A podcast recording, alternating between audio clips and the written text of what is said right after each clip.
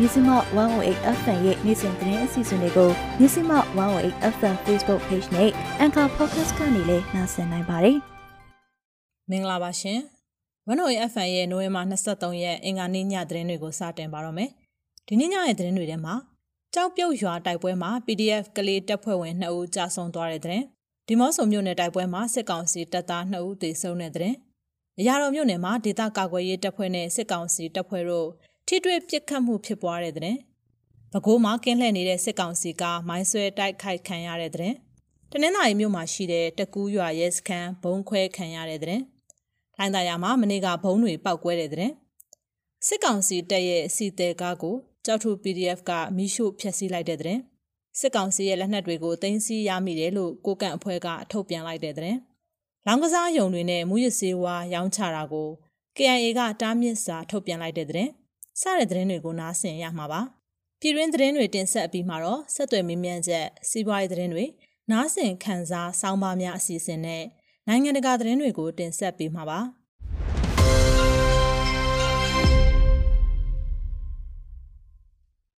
စကိုင်းတိုင်းဒေသကြီးကလေးမြို့နယ်တောင်ပိုင်းကြောက်ပြုတ်ရွာမှာရှိတဲ့စစ်ကောင်စီအခြေစိုက်စခန်းကိုတွားရောက်တိုက်ခိုက်ခဲ့ရမှာစစ်ကောင်စီတပ်ဖွဲ့ဝင်9ဦးကြာဆုံးပြီးတော့ PDF ကလေးတပ်ဖွဲ့ဝင်2ဦးကြာဆုံးသွားကြောင်းတွားရောက်တိုက်ခိုက်ခဲ့တဲ့ PDF ကလေးတပ်ဖွဲ့ကတာဝန်ရှိသူကအတည်ပြုပါတယ်။အာနာသိန်းစစ်ကောင်စီတပ်ဖွဲ့ဝင်တွေနဲ့ပြူစောထီးတွေပူးပေါင်းနေထိုင်တဲ့ကြောက်ပြုတ်ရွာမှာစစ်အခြေစိုက်စခန်းကို PDF ကလေးတပ်ဖွဲ့ဝင်တွေကနိုဝင်ဘာ22ရက်နေ့မနက်10:00နာရီကတွားရောက်ပစ်ခတ်တိုက်ခိုက်ခဲ့တာပါ။ ကလေးတရင်လေးရဲ့တပ်ဖွဲ့ဝင်တွေဖြစ်တဲ့ကိုမင်းစောအောင်အသက်16နှစ်နဲ့ကိုဇော်နိုင်ထေးအသက်34နှစ်တို့ဟာကြောက်ပြုတ်ရွာတိုက်ပွဲမှာကြာဆုံးသွားခဲ့တာဖြစ်တယ်လို့ PDF ကလေးကနိုဝင်ဘာ23ရက်ဒီနေ့ရက်စွဲနဲ့ထုတ်ပြန်ထားပါတယ်။ လက်နက်အင်အားအရန်ကွာခြားပါတယ်ဒါတွေကိုစကစကသိပါတယ်ကျွန်တော်တို့ရဲဘော်တွေလည်းသိတယ်ဒီလောက်လက်နက်အင်အားမမျှတာကိုစင်ကြေမပေးဘဲနဲ့ရှိတဲ့လက်နက်နဲ့အရေးစွန်တိုက်ပွဲဝင်သွားကြတဲ့ရဲဘော်တွေအတွက်ပြောမပြနိုင်အောင်လေးစားရပါတယ်ရှေ့ဆက်ပြီးတော့လည်းကျွန်တော်တို့ရည်မှန်းထားတဲ့ Federal Democracy ရတဲ့အထိဆက်လက်တိုက်ပွဲဝင်သွားကြမယ်လို့လည်းကြာဆုံးသူရဲကောင်းတွေကိုတိုင်တယ်ပြီးဂရီပေးပါတယ်လို့ PDF ကလေးတပ်ဖွဲ့ဝင်တအူးကမြစည်းမကိုပြောပါတယ် အဲ့ဒီတိုက်ပွဲမှာ PDF ကလေးတပ်ဖွဲ့ဝင်တွေဟာကျေးရွာနယ်မြေတဝက်ကျော်အထိဝင်ရောက်နိုင်ခဲ့ပေမဲ့စစ်ကောင်စီတပ်ဖက်က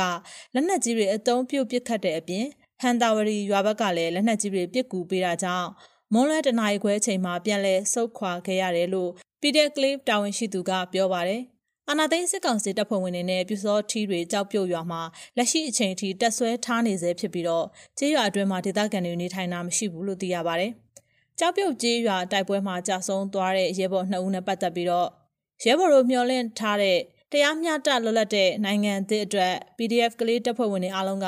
စားတဲ့တဘိုးကြိုးပမ်းဆောင်ရွက်သွားမယ်လို့ PDF ကလေးကထုတ်ပြန်ထားပါတယ်။ကလေးမျိုးနယ်မှာလက်ရှိစစ်ရေးအခြေအနေတင်းမာနေပြီးတော့အချိန်မရွေးတိုက်ပွဲဖြစ်ပွားနိုင်တာကြောင့်လုံခြုံရေးသတိရှိစွာနေထိုင်ကြဖို့နဲ့ကလေးဂံကောကားလန်းကိုတပတ်အတွင်းသွာလာတာတွေမလုပ်ဖို့ဒေသကာကွယ်ရေးတပ်ဖက်ကသတိပေးထားပါတယ်။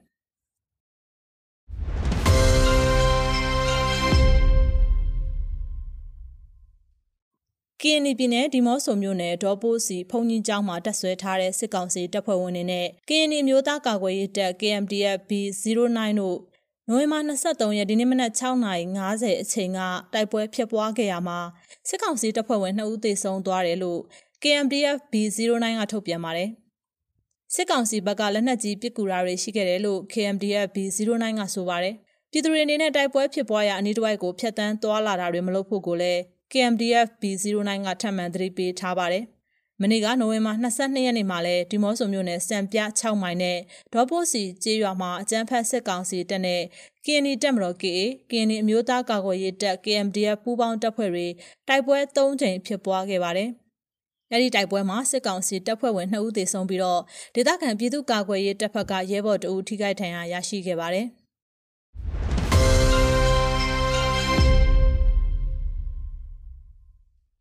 စကိုင်းတိုင်းရာတော်မြို့နယ်နောင်ကြီးအိုင်ကြီးရွာကသတင်းပေးဒလန်ဆိုသူကိုသတိပေးဖို့ရောက်လာတဲ့ဒေသခံပျောက်ကြားတပ်ဖွဲ့နဲ့နောင်ကြီးအိုင်မှာတက်ဆွဲထားတဲ့စစ်ကောင်စီတပ်ဖွဲ့တို့နိုဝင်ဘာ22ရက်မနေ့မနက်10:00နာရီအချိန်ကအပြန်အလှန်ပစ်ခတ်မှုဖြစ်ပွားခဲ့တယ်လို့ ARA အဖွဲ့ကပြောပါတယ်။ဒလန်ရှင်းမသွားတဲ့အချိန်မှာစစ်ကောင်စီကတိသွားပါတယ်။သူတို့နောင်ကြီးအိုင်ရဲစခန်းမှာပဲတက်ဆွဲထားတာဆိုတော့အမြန်ရောက်လာကြတယ်လို့အရာတော်မြို့နယ်တော်လှန်ရေးအင်အားစု ARA အဖွဲ့ကပြောပါတယ်။ နောင်ကြီးအိုင်လမ်းပေါ်ကနေကပ္ပရွာကဖေးအနီးမှာစတင်ပစ်ခတ်ခဲ့ကြပြီးတော့လန်တလျှောက်တိုက်ပွဲဖြစ်ပွားခဲ့ရမှာ IT မိုဘိုင်းဆိုင်နာအထိတိုက်ပွဲဖြစ်ပွားခဲ့တယ်လို့ AI အဖွဲ့ထံကနေသိရပါဗျ။ထိတွေ့တိုက်ပွဲအချိန်ဟာ15မိနစ်လောက်ဖြစ်ပွားပြီးတော့ဒေသခံပျောက်ကြားတပ်အင်အား30နဲ့နောင်ကြီးအိမ်စခန်းမှာတပ်ဆွဲထားတဲ့စစ်ကောင်စီအင်အား30လောက်ဟာတိုက်ပွဲဖြစ်ပွားခဲ့တာဖြစ်တယ်လို့အဆိုပါအဖွဲ့ထံကနေသိရပါဗျ။ တိုက်ပွဲဖြစ်တဲ့နေရာကဈေးတန်းဆိုတော့စီတယ်အဲ့ဒီနားမှာပုံနေတာတွေလည်းရှိပါတယ်အဲ့ဒီကောင်တွေကလူတွေကိုသူတို့နားမှာစုခိုင်းထားတာလူသားဒိုင်းပုံစံမျိုးပေါ့အဲ့ဒီထဲမှာတာမီနှစ်ယောက်ပါပါတယ်ကလေးက9နှစ်ရွယ်ပါနောက်ပြီးတော့အိမ်နှလုံးကိုလည်းသူတို့မိရှို့သွားကြတယ်လို့အရာတော်မြို့နယ်တော်လှန်အင်အားစု AI အဖွဲ့ကဖြစ်စဉ်ကိုပြောပြပါတယ်တိုက်ပွဲဖြစ်ပွားပြီးနောက်မှာဒေသခံပျောက်ကြားတပ်ဖွဲ့တွေပြန်လည်ဆုတ်ခွာသွားချိန်မှာ AI အဖွဲ့ရဲ့စိုက်ကယ်15စီးဟာတိုက်ပွဲဖြစ်တဲ့နေရာမှာကြံခဲ့ကြောင်း AI အဖွဲ့ထံကနေသိရပါတယ် ကျန်ရှိတဲ့စိုက်ကယ်တွေတဲကဆယ်စီးကျော်ကိုအကြမ်းဖက်စစ်ကောင်စီကမိရှို့ပစ်လိုက်ကြပြီးတော့သုံးစီးကိုတော့ရွေးချယ်ယူဆောင်ကတစားကန်ဖမ်းဆီးသူတွေကိုပြန်လှုပ်ပေးခဲ့တယ်လို့သိရပါတယ်။တိုက်ပွဲအတွင်းစစ်ကောင်စီဘက်ကထိခိုက်မှုမရှိဘဲနဲ့အရာတော်မြို့နယ်တော်လှန်ရေးအင်အားစုဘက်ကလည်းထိခိုက်မှုမရှိဘူးလို့သိရပေမဲ့အသေးစိတ်အချက်လက်ကိုတော့မသိရသေးပါဘူး။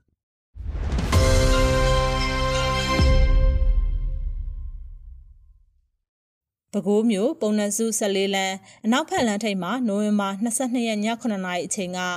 ကင်းလှည့်လာတဲ့စစ်ကောင်စီကားကိုမိုင်းဆွဲတိုက်ခိုက်ခဲ့တယ်လို့ပဲခူးပြည်သူ့ကာကွယ်ရေးတပ် BDF အဖွဲ့ကနိုဝင်ဘာ23ရက်ဒီနေ့မှထုတ်ပြန်ပါတယ်။သူတို့ကင်းပတ်နေတာရက်ွက်ထဲမှာဒလန်တွေလည်းပါပါတယ်။စစ်ခွေးတွေလည်း9ယောက်6ယောက်လောက်တော့ပါတယ်။မိုင်းတလုံးခွဲလိုက်ပါတယ်ထိခိုက်မှုရှိတာတော့သိကြပါတယ်သူတို့ကသတင်းအမှောင်ချထားလို့အခုထိစုံစမ်းနေတော့မှရှိပါသေးတယ်လို့ BDF အဖွဲ့ဝင်ကပြောပါတယ်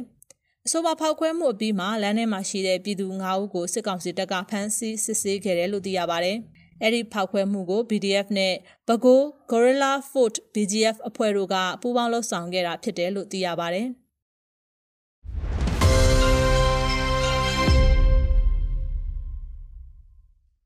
ဖိတ်ခရိုင်တနင်္လာရီမြို့မှာရှိတဲ့တကူးကျေးရွာရဲစခန်းကိုနိုဝင်ဘာ22ရက်ည9:00နာရီအချိန်ကဘုံခွဲတိုက်ခိုက်ခဲ့တယ်လို့ ဒူဝန်တော်လှန်ရေးတပ်ဖွဲ့တာဝန်ရှိသူကပြောပါတယ်စစ်ကောင်စီတပ်ဖွဲ့ဝင်တွေကအဆိုပါစခန်းမှာတပ်ဆွဲထားပြီးတော့ဒေသခံတွေကိုဖမ်းဆီးနှိပ်စက်မှုတွေလုပ်နေတာကြောင့်အဲ့ဒီလိုလှုပ်ဆောင်ခဲ့တာဖြစ်တယ်လို့သူကဆိုပါတယ်။ညကရဲစခန်းနာမှာဘုံပေါက်ကွဲတံတော့ကြားရပါတယ်။ထိခိုက်မှုရှိမရှိတော့မသိရသေးဘူးလို့လည်းဒေသခံရွာသားတအုပ်ကပြောပါတယ်။ပောက်ကွဲဖြစ်ချိန်စခန်းမှာစစ်ကောင်စီတပ်ဖွဲ့ဝင်နဲ့ရဲတပ်ဖွဲ့ဝင်တွေမရှိတာကြောင့်ထိခိုက်မှုမရှိဘူးလို့လည်းဒူဝန်တော်လှန်ရေးတပ်ဖွဲ့ကသတင်းထုတ်ပြန်ထားပါတယ်။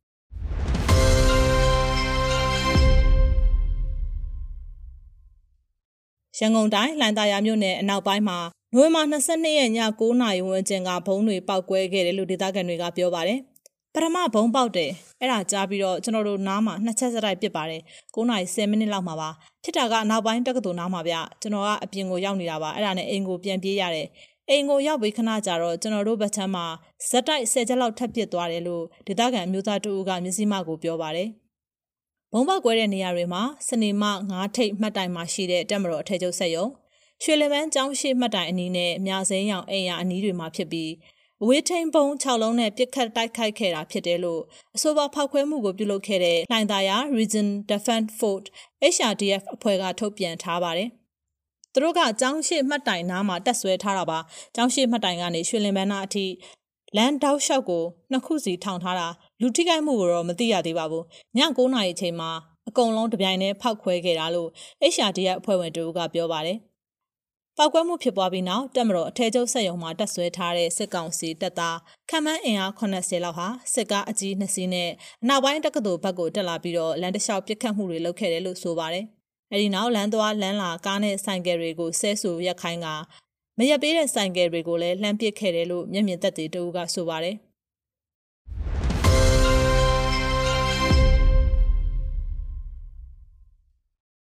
မကွေးတိုင်းကြောက်ထုမြို့နယ်ကြောက်ထုပခုတ်ကူလမ်းမိုင်းတနေရာမှာနိုဝင်ဘာ22ရက်နေ့ကစစ်ကောင်စီတပ်ဖွဲ့ရဲ့စစ်သေးကားတစ်စီးကိုကြောက်ထု PDF ကမိရှို့ဖျက်ဆီးခဲ့တယ်လို့အဆိုပါအဖွဲ့ကသတင်းထုတ်ပြန်ထားပါတယ်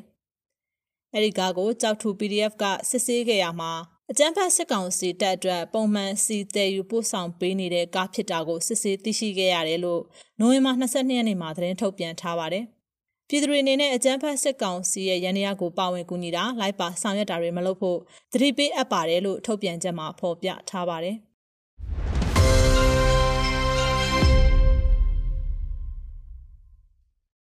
မြန်မာနိုင်ငံလူမျိုးစုများဒီမိုကရေစီမဟာမိတ်တပ်ပေါင်းစု MMDAA ကိုကန့်အဖွဲ့နဲ့ စစ်ကောင်စီတပ်တွေအကြားဖြစ်ပွားခဲ့တဲ့ရှမ်းပြည်နယ်မြောက်ပိုင်းမုံကိုဒေသတိုက်ပွဲမှာစစ်ကောင်စီတပ်ရဲ့လက်နက်ခဲယမ်းတွေကို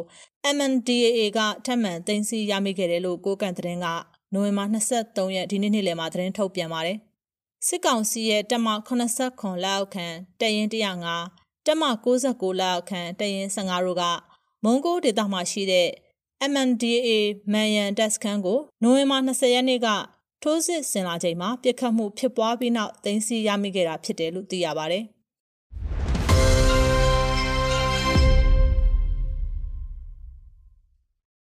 ကချင်ပြည်နယ်ဗမော်ခရိုင်အတွင်းလောင်ကစားယုံတွေမဖွင့်လှစ်ကြဖို့မူရစေဝါတွေကိုမယောင်းချကြဖို့ကချင်လွတ်လပ်ရေးတပ်မတော် KIA အမှတ်1တပ်ရင်းက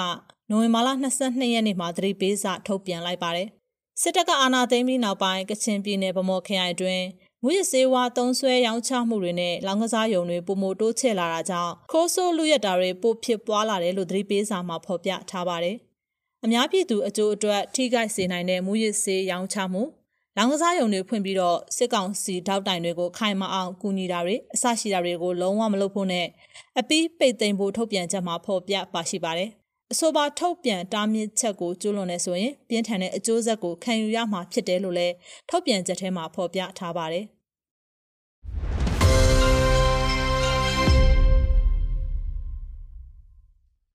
စကိုင်းတိုင်းပလဲမြို့အခြေဆိုင်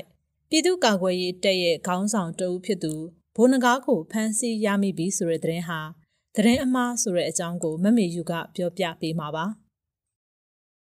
လဲ PDF ခေါင်းဆောင်ဘိုးနဂါးဖမ်းဆီးခံရတယ်ဆိုပြီးသတင်းမှားဖြန့်ဝေမှုတွေရှိနေတယ်လို့သိရပါတယ်။စကိုင်းတိုင်းပလဲမြို့အခြေဆိုင်ပြည်သူ့ကာကွယ်ရေးတပ်ရဲ့ခေါင်းဆောင်တဦးဖြစ်သူဘုံနကားကိုဖမ်းဆီးရမိပြီဆိုတဲ့သတင်းနဲ့အတူဓပုံတပုံလူမှုကွန်ရက်မှာပြန့်နှံ့နေတာကိုတွေ့ရှိရပါတယ်။အဲ့ဒီသတင်းမှကိုစစ်တပ်သတင်းတွေကိုအသားပေးဖော်ပြလေးရှိတဲ့ Telegram Channel တစ်ခုဖြစ်တဲ့ဒဇင်ဦးဆိုတဲ့ Channel မှာစတင်ပြီးတော့ဖော်ပြခဲ့တာဖြစ်ပါတယ်။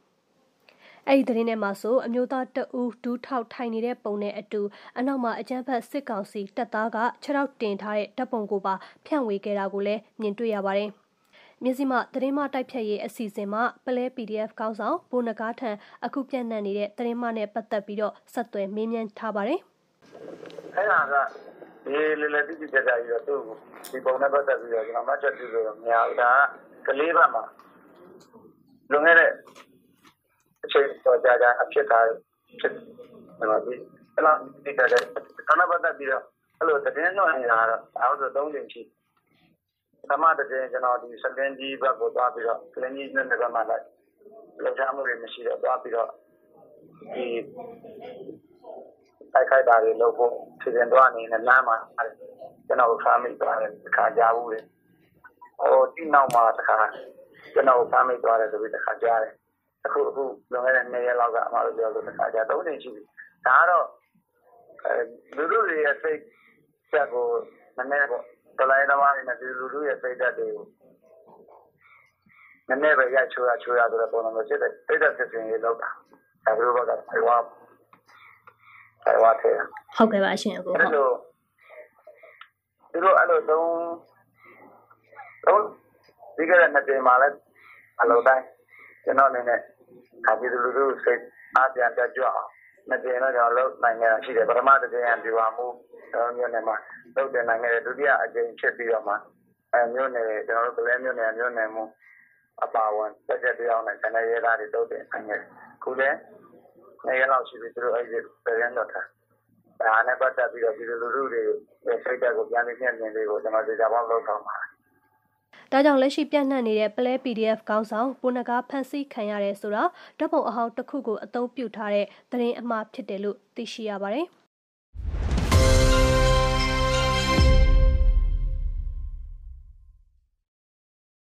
စကိုင်းတိုင်းကလေးမြို့မှာရှိတဲ့စစ်ကောင်စီလက်အောက်ခံအမှတ်644ဆက်လက်နက်ပစ္စည်းတပ်ရင်းကိုနိုဝင်ဘာ22ရက်ညနေ6နာရီခွဲအချိန်က PDF ဇိုလန်နဲ့ CDM စီရင် CDF KKG တပ်ရင်းနှင့်ပူးပေါင်းဖွဲ့ကတိုက်ခိုက်ခဲ့ပါတယ်။ရန်တူလောင်ယုံတချို့ပောက်ကွဲပျက်စီးခဲ့ပြီးနီးနားပဝန်းကျင်အထိပောက်ကွဲတံတွေကြားခဲ့ရတဲ့အဆိုပါတိုက်ခိုက်မှုဖြစ်ရတဲ့ပတ်သက်ပြီးတော့ PDF ဇိုလန်ကတာဝန်ရှိသူတို့ကိုမြစည်းမကဆက်သွယ်မေးမြန်းထားပါတယ်။နားဆင်ပါရှင်။ကျွန်တော်တို့မနေ့ကတိုက်ခိုက်တဲ့ဖြစ်စဉ်မှာ အာမနေ့ညနေပိုင်း၄နာရီ6နာရီကျော်ကျော်ပေါ့နော်သူတို့တန်းစီပြီးတဲ့အချိန်မှာသူတို့ရဲ့တိုက်ရင်ကိုတိုက်ခိုက်တာဖြစ်ပါတယ်သူတို့ရဲ့တိုက်ခိုက်သူတို့တိုက်ခိုက်တဲ့နေရာမှာကျွန်တော်တို့နှစ်ပိုင်းစဉ်းစားထားပါတယ်တစ်ပိုင်းကအမြောက်ကြီးစာနေထားတဲ့ဘူတော်ရှိတယ်ပြီးကြတော့ယူယူကြီးစာနေထားတဲ့ဘူတော်ရှိတယ်ဆိုတော့အမြောက်ကြီးစာနေထားတဲ့ဘူတော်ကျွန်တော်တို့ဖောက်ခွဲလိုက်တယ်ဆိုရင်ထိခိုက်မှုကြီးမယ်စူးကြိုးအဖြစ်တော့မြို့ပေါ်မှာလည်း ဒီစာနီလွန့်စင်အမြောက်စာနီလွန့်စင်ပြီးတော့ကြားရောက်နိုင်တဲ့အနေအထားရှိတဲ့အခါကျတော့ကျွန်တော်တို့အဲ့ဒါကိုရှောင်ရှားပြီးတော့ဒီယူယူကြီးစာနီလက်ပြပုံဒီမိုင်းတွေထားတဲ့ကူတော့ကျွန်တော်တို့တိုက်ခိုက်တာဖြစ်ပါတယ်ဟုတ်ကဲ့ဒါဆိုလို့ရှိရင်ဒီ644စစ်လက်နဲ့ပစ္စည်းတပ်ရင်ကိုတိုက်ခိုက်ဖို့ဘာကြောင့်ရွေးချယ်ခဲ့ရလဲဆိုတာကိုပြပြပေးလို့ရမလားရှင်ဟုတ်ကဲ့ဒီသူတို့ရဲ့ဒီဒီရန်တရားတပ်ရင်ပေါ့နော် ရှေ့တန်းထွက်နေတဲ့ကလေးမျိုးတွေကလေးတွေတကူလုံးကလေးရောရောတမှုချင်းတောင်တကူလုံးကိုစစ်တပ်ဒီစစ်တန်းထွက်တဲ့နေရာမှာဆောက်ခါခါတွေစစ်တန်းထွက်တဲ့နေရာမှာသူတို့လိုအပ်တဲ့ဟိုရန်တရားတွေရန်ဒီကြီးစံတွေကိုထောက်ပံ့တဲ့တပ်ကဒီတရင်ဖြစ်ပါတယ်ဆိုတော့သူတို့ကိုထောက်ပံ့မှုကျွန်တော်တို့သူတို့ကိုထောက်ပံ့လို့မရအောင်ကျွန်တော်တို့ကအာဒီသူတို့ကိုနောက်ဆက်တာဖြစ်စေတာဖြစ်ပါတယ် ဟုတ်ကဲ့အခုလက်ရှိပေါ့နော်ကလေးမျိုးရဲ့အခြေအနေလေးကိုလည်းပြောပြပေးပါ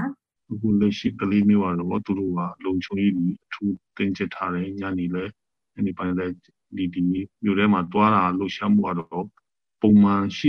ပုံမှန်တဲ့အနေထားရှိပြီမဲ့လို့တကယ်တင်ကျတဲ့တကယ်တင်မာနေတဲ့အနေထားဖြစ်ပါတယ်အချင်းမျိုးအပွေးကြီးဖြစ်နိုင်တဲ့အနေထားမှာရှိပါတယ်လက်ရှိမှာကျွန်တော်တို့စကိုင်းတိုင်းရဲ့စာအခန်းနဲ့ ဝန်ကြီးချုပ်လည်းကလေးမျိုးရောက်နေတယ်လို့ကျွန်တော်ကြားသိရပါတယ်ဟုတ်ကဲ့အဲ့လိုဆိုတော့ပေါ့နော်အခုလိုချိန်မှာကလေးမျိုးကိုစစ်ကောင်စီကအင်နဲ့အားနဲ့ဖိနေတဲ့ချိန်မှာစစ်ကောင်စီကိုဆက်လက်ချေမှုန်းသွားမဲ့အခြေအနေလေးကိုပြောပြပေးပါဟုတ်ကဲ့ကျွန်တော်တို့ကတော့ဒါဟိုမဖြစ်မနေလိုရမယ့်အနေအထားဖြစ်ပါတယ်ဒီပီတူတွေအောင်ပွဲရတဲ့အထိပြီးတော့ပီတူတွေနဲ့ဆက်တဲ့ပုံဝေးအဖွဲ့အစည်းတွေပြုကြတဲ့အထိကျွန်တော်တို့ ဆက်ပြီးတော့တွန်းရမယ့်အနေအထားဖြစ်ပါတယ်လက်ရှိမှာလည်းတွန်းနေတွန်းနေပါတယ်ဟုတ်ကဲ့အဲ့လိုဆိုတော့ဒီပြည်သူတွေနဲ့သူလက်တွဲပြီးတော့ဒီစစ်ကောင်စီကိုခြေမုံသွားမယ်ပေါ့နော်အဲ့လိုဆိုတော့ဒီ data ခံ PDF တွေရဲ့အခက်ခဲလေးတွေကိုပြောပြပေးပါရှင်မတိက data ခံ PDF ရဲ့အခက်ခဲကအာလန်ကျွန်တော်တို့ဒီမှာကိုင်မဲ့ဒီလက်နဲ့ပေါ့နော်လက်နဲ့လက်နဲ့က လက်နဲ့မရှိတဲ့အခါကျတော့ဖြစ်တယ်လို့ဒီစိတ်တစ်ခုနဲ့ပဲလက်ရှိချိန်ထိရတော့ကျွန်တော်တို့ P2 ကြီး PDF တွေတိုက်ခိုက်တာအာခုခန္ဓာကစိတ်တစ်ခုနဲ့ပဲတိုက်ခိုက်တာဖြစ်ပါတယ်အဲ့ဒါသူတို့လက်ထဲမှာ PDF တွေလက်ထဲမှာကျွန်တော်လက်နဲ့တွေထည့်ပေးနိုင်တယ်ဆိုရင်ကျွန်တော်တို့တော်လိုင်းရဲအမြန်ဆုံးအောင်မြင်မှာဖြစ်ပါတယ်လက်ရှိမှာတော့လက်နဲ့အားဖြင့်စစ်ချင်းထည့်ပေးလို့မရဘူးဆိုရင်တော့မှလက်နဲ့ဝယ်ယူဖို့ပေါ့နော်လက်နဲ့ဝယ်ယူပတ်စံတွေ လက်နဲ့ဝယ်ဝယ်နိုင်တဲ့လမ်းကြောင်းတွေလက်နဲ့ဝယ်ဝယ်ဝယ်တတ်တဲ့ကုန်တယ်တွေနဲ့ကျွန်တော်တို့ပူပေါင်းပြီးတော့သူတို့ကပူနေတယ်ဆိုရင်အမြန်ဆုံးတော့ကျွန်တော်တို့တော်လိုင်းအောင်မြင်မှာဖြစ်ပါတယ်ဟုတ်ကဲ့အဲဆိုလို့ရှိရင်ဒီတော်လန်ရေးကာလမှာပေါ့နော်ပြည်သူတွေကိုရောဗာများပြောချင်ပါလဲရှင်တော်လန်ရေးကာလမှာပြည်သူတွေကကျွန်တော်တို့ကျွန်တော်တို့ကစိတ်ဓာတ်နဲ့အမားအမှန်အမှန်တရားနဲ့ ဒီအတ္တမနဲ့ဓမ္မနဲ့အတ္တမအကြမှာတက်ခါနေတဲ့အချိန်မှာကျွန်တော်တို့ဒီအမှန်တရားဘက်ကရက်တည်ဖို့ကျွန်တော်တို့ကစိတ်ပိုင်းဖြတ်ထားတဲ့ပြည်သူဖြစ်ပါတယ်ပြည်သူရဲ့ရက်တည်ချုပ်ကျွန်တော်တို့အားရတယ်ပြည်သူရဲ့အားနဲ့လည်းဒီချိန်ထိ PDF ဒီရက်တည်တာဖြစ်ပါတယ်ဆိုတော့ကျွန်တော်တို့ကတော့ဆက်လက်ဆက်လက်ပြီးတော့ဟိုတတ်နိုင်သမျှဟိုမစုံမနဲ့ကြိုးစားသွားမှာဖြစ်ပါတယ်ပြည်သူတွေကလည်း PDF တွေရဲ့လိုအပ်ချက်တွေ PDF တွေရဲ့ အထူးသဖြင့်တော့ PDF တွေကိုအားပေးတဲ့နေရာမှာလည်းသူတို့ရဲ့တည်သူတို့ရဲ့အနေအအခြေအနေတွေကိုအားပေးခြင်းစောနဲ့အာသူတို့ရဲ့အခြေအနေကိုဟိုအားပေးပြီးတော့ကျွန်တော်တို့အားပေးတဲ့နေရာမှာလည်းညင်သားပြီးတော့ပါနပ်ပြီးတော့အားပေးတက်ဖို့ကျွန်တော်တို့တောင်းဆိုချင်ပါတယ်သူတို့ရဲ့လိုအပ်ချက်သူတို့ရဲ့အားနည်းချက်တွေရှိရှိရင်လည်းအဲ့ဒါလေးတွေကိုကျွန်တော်တို့နားလည်ပေးနိုင်မှု ထောက်ပံ့ပေးနိုင်မှုကျွန်တော်တောင်းဆိုချင်ပါတယ်ဟုတ်ကဲ့ပြည်သူလည်းကျွန်တော်ဟိုတောင်းဆိုမိသားရဲ့ခံမှုတာတကူကတော့ဒီ PDF လေးတွေအားနေချက်ရှိတယ်သူတို့လှုပ်ရှားမှုလေးတွေခြေတမ်းမလုံးဘူးခြေတမ်းမလုံးတဲ့နေရာရှိတယ်ဆိုရင်ပြည်သူတွေကနှုတ်လုံးလုံးနဲ့ထားပြီးတော့သူတို့ရဲ့လှုပ်ရှားမှုကိုအာနှုတ်လုံးထားပြီးတော့အာသူတို့တိတ်တိတ်လေးနေပြနိုင်မှုသူတို့ရဲ့အကြောင်းလှုပ်ရှားမှုလေးတွေကိုတခြားနေရာဒီ တရင်အချက်လက်ဖြစ်မသွားအောင်တင်ထားပြီးဖို့နှုတ်နှုတ်လုံးပြီးဖို့ကျွန်တော်တောင်းဆိုချင်ပါတယ်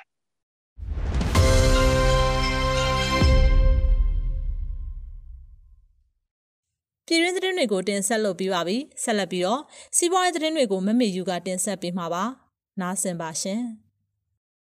ဆက်လက်ပြီးတော့စီးပွားရေးသတင်းတွေကိုနားဆင်ရမှာဖြစ်ပါတယ်။ကျမတို့မေယူပါရှင်။ပထမဆုံးအနေနဲ့ကိုဗစ်ကာကွယ်ဆေးနှစ်ကြိမ်ထိုးထားပြီးအနည်းဆုံး14ရက်ပြည့်ပြီးသူတွေအနေနဲ့ကိုဗစ်စစ်ဆေးစရာမလိုပဲပြည်တွင်းလေကြောင်းလိုင်းတွေကိုစီးနှင်နိုင်ပြီလို့စစ်ကောင်စီလက်အောက်ခံကျန်းမာရေးဝန်ကြီးဌာနကထုတ်ပြန်ပါတယ်။ဒီထဲမှာတော့ ကော့တောင်တဝဲဘိတ်နဲ့ကလေးမြို့နယ်တို့မှာနေထိုင်သူတွေကတော့ကိုဗစ်ကာကွယ်ဆေးအကြိမ်ပြည့်ထိုးထားပေမဲ့ RTT ကစ်နဲ့စစ်ဆေးတာကိုမဖြစ်မနေလုပ်ရမယ်လို့နိုဝင်ဘာ16ရက်ရက်စွဲနဲ့ထုတ်ပြန်တဲ့ကျန်းမာရေးဆိုင်ရာစံသတ်မှတ်ချက်တွေမှာဖော်ပြထားတာတွေ့ရပါတယ်။ခရီးသည်တွေအနေနဲ့ထောက်ခံချက်တစ်ခုမှမလိုပဲလေရင်လက်မှတ်ကိုပုံမှန်အတိုင်းဝယ်ယူနိုင်ပြီးစီးနှင်နိုင်ဖို့အတွက်ကတော့တန်ရာဖြစ်စရာဖျားတာချောင်းဆိုးတာ ပိုးတွေ့လူနာနဲ့နှစ်ပတ်အတွင်းထိတွေ့တာမျိုးမရှိဖို့တော့လိုအပ်တယ်လို့ဆိုပါတယ်။တကယ်လို့ကာကွယ်ဆေးနှစ်ကြိမ်ထိုးပြီးပေမဲ့ဒုတိယအကြိမ်ထိုးပြီးတာ14ရက်မပြည့်သေးရင်တော့ခရီးမထွက်ခင်48နာရီအတွင်းသတ်မှတ်ထားတဲ့နေရာတွေမှာ RTT ကစ်နဲ့စစ်ဆေးပြီးပိုးမရှိကြောင်းစမ်းသပ်ချက်အဖြစ်ကို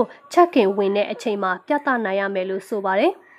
ပြည်တွင်းခရီးသွားတွေအတွက်လေရင်ကွင်းရှိတဲ့မြို့နယ်ပြည်သူ့ကျန်းမာရေးဦးစီးဌာနတွေမှာသတ်မှတ်ချိန်အတွင်းပရမရှိကိုဗစ်စစ်ဆေးနိုင်တယ်လို့ခွင့်ပြုထားတဲ့တက်ခွဲခန်းတွေနဲ့ပုဂ္ဂလိကဆေးရုံဆေးခန်းတွေမှာလည်းစစ်ဆေးနိုင်ကြောင်းသိရပါတယ်။ဒါအပြင်ပြည်တွင်းလေဆိပ်တွေမှာဖွင့်လှစ်ထားတဲ့ကိုဗစ်စစ်ဆေးရေးတက်ခွဲခန်းတွေမှာလည်းလေရင်မထွက်ခင်အချိန်မီကြိုတင်စစ်ဆေးနိုင်တယ်လို့ဆိုပါတယ်။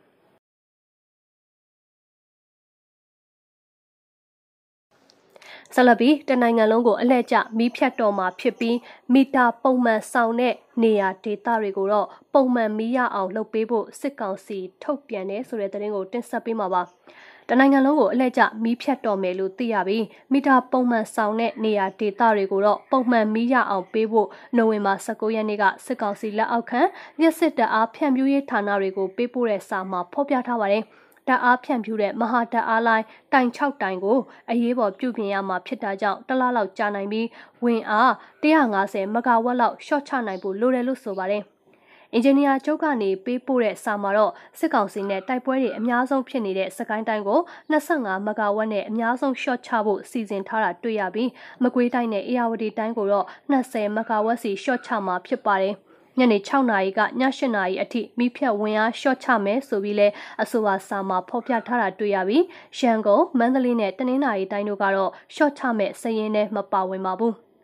မီးဖြတ်တဲ့အခါနေတိုင်းမဖြစ်အောင်အလှည့်ကျစနစ်နဲ့လှုပ်ဖို့နဲ့လစဉ်မီတာကပုံမှန်ပေးတဲ့မြို့တွေရက်ကွက်တွေကိုတော့ပုံမှန်တက်အားရတဲ့အုပ်စုမှာထည့်ပြီးအတက်နိုင်ဆုံးစင်စက်မပြတ်ရအောင်အထူးဂရုပြုရမယ်လို့လည်းဖော်ပြထားပါတယ်။ ADIG ရဲ့ e-font တွေကို electronic နီးလန်းနဲ့ပေးပို့ခြင်းလက်ခံခြင်းများဆောင်ရွက်နိုင်ခြင်းမရှိဘဲယာယီရပ်တန့်နေတဲ့သတင်းကိုဆက်လက်နားဆင်ရမှာပါ။ Acer Single Window ရဲ့ဤပညာဆိုင်ရာနဲ့လုံခြုံရေးဆိုင်ရာအဆင့်မြင့်တင်မှုများဆောင်ရွက်ရမှာမမျှော်လင့်တဲ့ဤပညာဆိုင်ရာအခက်အခဲများကြုံတွေ့နေရတဲ့အတွက်နိုဝင်ဘာလ17ရက်မနက်8:26မိနစ်နှောင်းပိုင်းကစတင်ပြီး ATIG ရဲ့ e-phone D တွေကို electronic နည်းလမ်းဖြင့်ပေးပို့ခြင်းလက်ခံခြင်းများဆောင်ရွက်နိုင်ခြင်းမရှိဘဲယာယီရပ်တန့်နေတယ်လို့စစ်ကောင်စီလက်အောက်ခံအကောက်ခွန်ဦးစီးဌာနကနိုဝင်ဘာလ19ရက်ရက်စွဲနဲ့ထုတ်ပြန်ထားပါတယ်။ အာဆီယံနိုင်ငံများနဲ့ ATIG ရဲ့ e-foundation ဆိုင်ရာအချက်လက်များအပြန်အလှန်လဲလှယ်နိုင်ရေးအတွက်အကောက်ခွန်ဦးစီးဌာနမှတည်ဆောက်ထားတဲ့ National Single Window Routing Platform နဲ့ ASIN Single Window Gateway တို့ကိုအသုံးပြုနေတာဖြစ်ပါတယ်။အခု ASIN Single Window Gateway မှာဤပညာဆိုင်ရာလုံခြုံမှုဆိုင်ရာအဆင့်မြင့်တင်မှုများဆောင်ရွက်ရမှာမမျှော်လင့်တဲ့ဤပညာဆိုင်ရာအခက်အခဲတွေကိုကြုံတွေ့နေရတဲ့အတွက်နိုဝင်ဘာလ17ရက်မနက်၈ :26 မိနစ်နောက်ပိုင်းကစတင်လို့ ATIG ရဲ့ e-foundation များကို electronic electronic နည်းလမ်းဖြင့်ပေးပို့ခြင်းလက်ခံခြင်းများဆောင်ရွက်နိုင်ခြင်းမရှိဘဲယာယီရပ်တန့်နေရလို့ဆိုပါတယ်။ဒီနည်းပညာအခက်အခဲကိုအမြန်ဆုံးဖြေရှင်းနိုင်ရေးအတွက်အာဆီယံအတွင်းရေးမှူးချုပ်ရုံးရဲ့ ASEAN Single Window ဆိုင်ရာတာဝန်ရှိသူများအာဆီယံနိုင်ငံများက ASW Gateway များအတွက်တာဝန်ယူဆောင်ရွက်ပေးနေတဲ့ software ကုမ္ပဏီတို့နဲ့ချိတ်ဆက်ကဖြည့်ရှင်းမှုတွေဆောင်ရွက်နေရလို့ဆိုပါတယ်။ ဒီလိုဆောင်ရွက်နေစဉ်အတွင်း electronic စနစ်နဲ့လဲလှယ်နိုင်မှုယာယီရဆိုင်နေမှာဖြစ်ပြီးအာဆီယံအတွင်းရေးမှူးချုပ်ရုံးမှတဆင့်အာဆီယံနိုင်ငံများသို့ညှိနှိုင်းအကြောင်းကြားထားတယ်ဆိုပြီးလဲထုတ်ပြန်ထားတာသိရပါတယ်။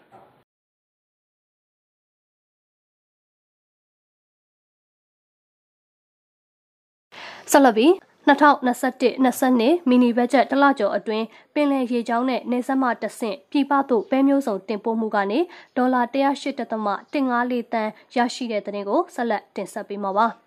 2020-21ဘဏ္ဍာနှစ်အောက်တိုဘာမှစက်တင်ဘာလကုန်အထိပင်လယ်ရေကြောင်းနဲ့နေဆက်ကနေတဆင့်ပြပကိုပဲမျိုးစုံတင်ပို့မှုကနေဒေါ်လာတန်1580ကျော်ရရှိခဲ့ပြီးအရင်ဘဏ္ဍာနှစ်ကထက်ဒေါ်လာ 384တန်းကျော်ပုံမရရှိခဲ့တဲ့ဆိုပြီးလဲထုတ်ပြန်ထားပါတယ်။အိန္ဒိယအစိုးရကမြန်မာနိုင်ငံကနေမပဲတန်ချိန်2သိန်းခွင်းနဲ့ပဲစင်းကိုတန်ချိန်3သိန်းကိုနှစ်စဉ်ပုဂ္ဂလိကကဏ္ဍကနေတဆင့်2021 2022ဘဏ္ဍာနှစ်မှ2025 2026ဘဏ္ဍာနှစ်အထိတင်သွင်းရန်နှစ်နိုင်ငံ MOU လက်မှတ်ရေးထိုးထားတာဖြစ်ပါတယ်။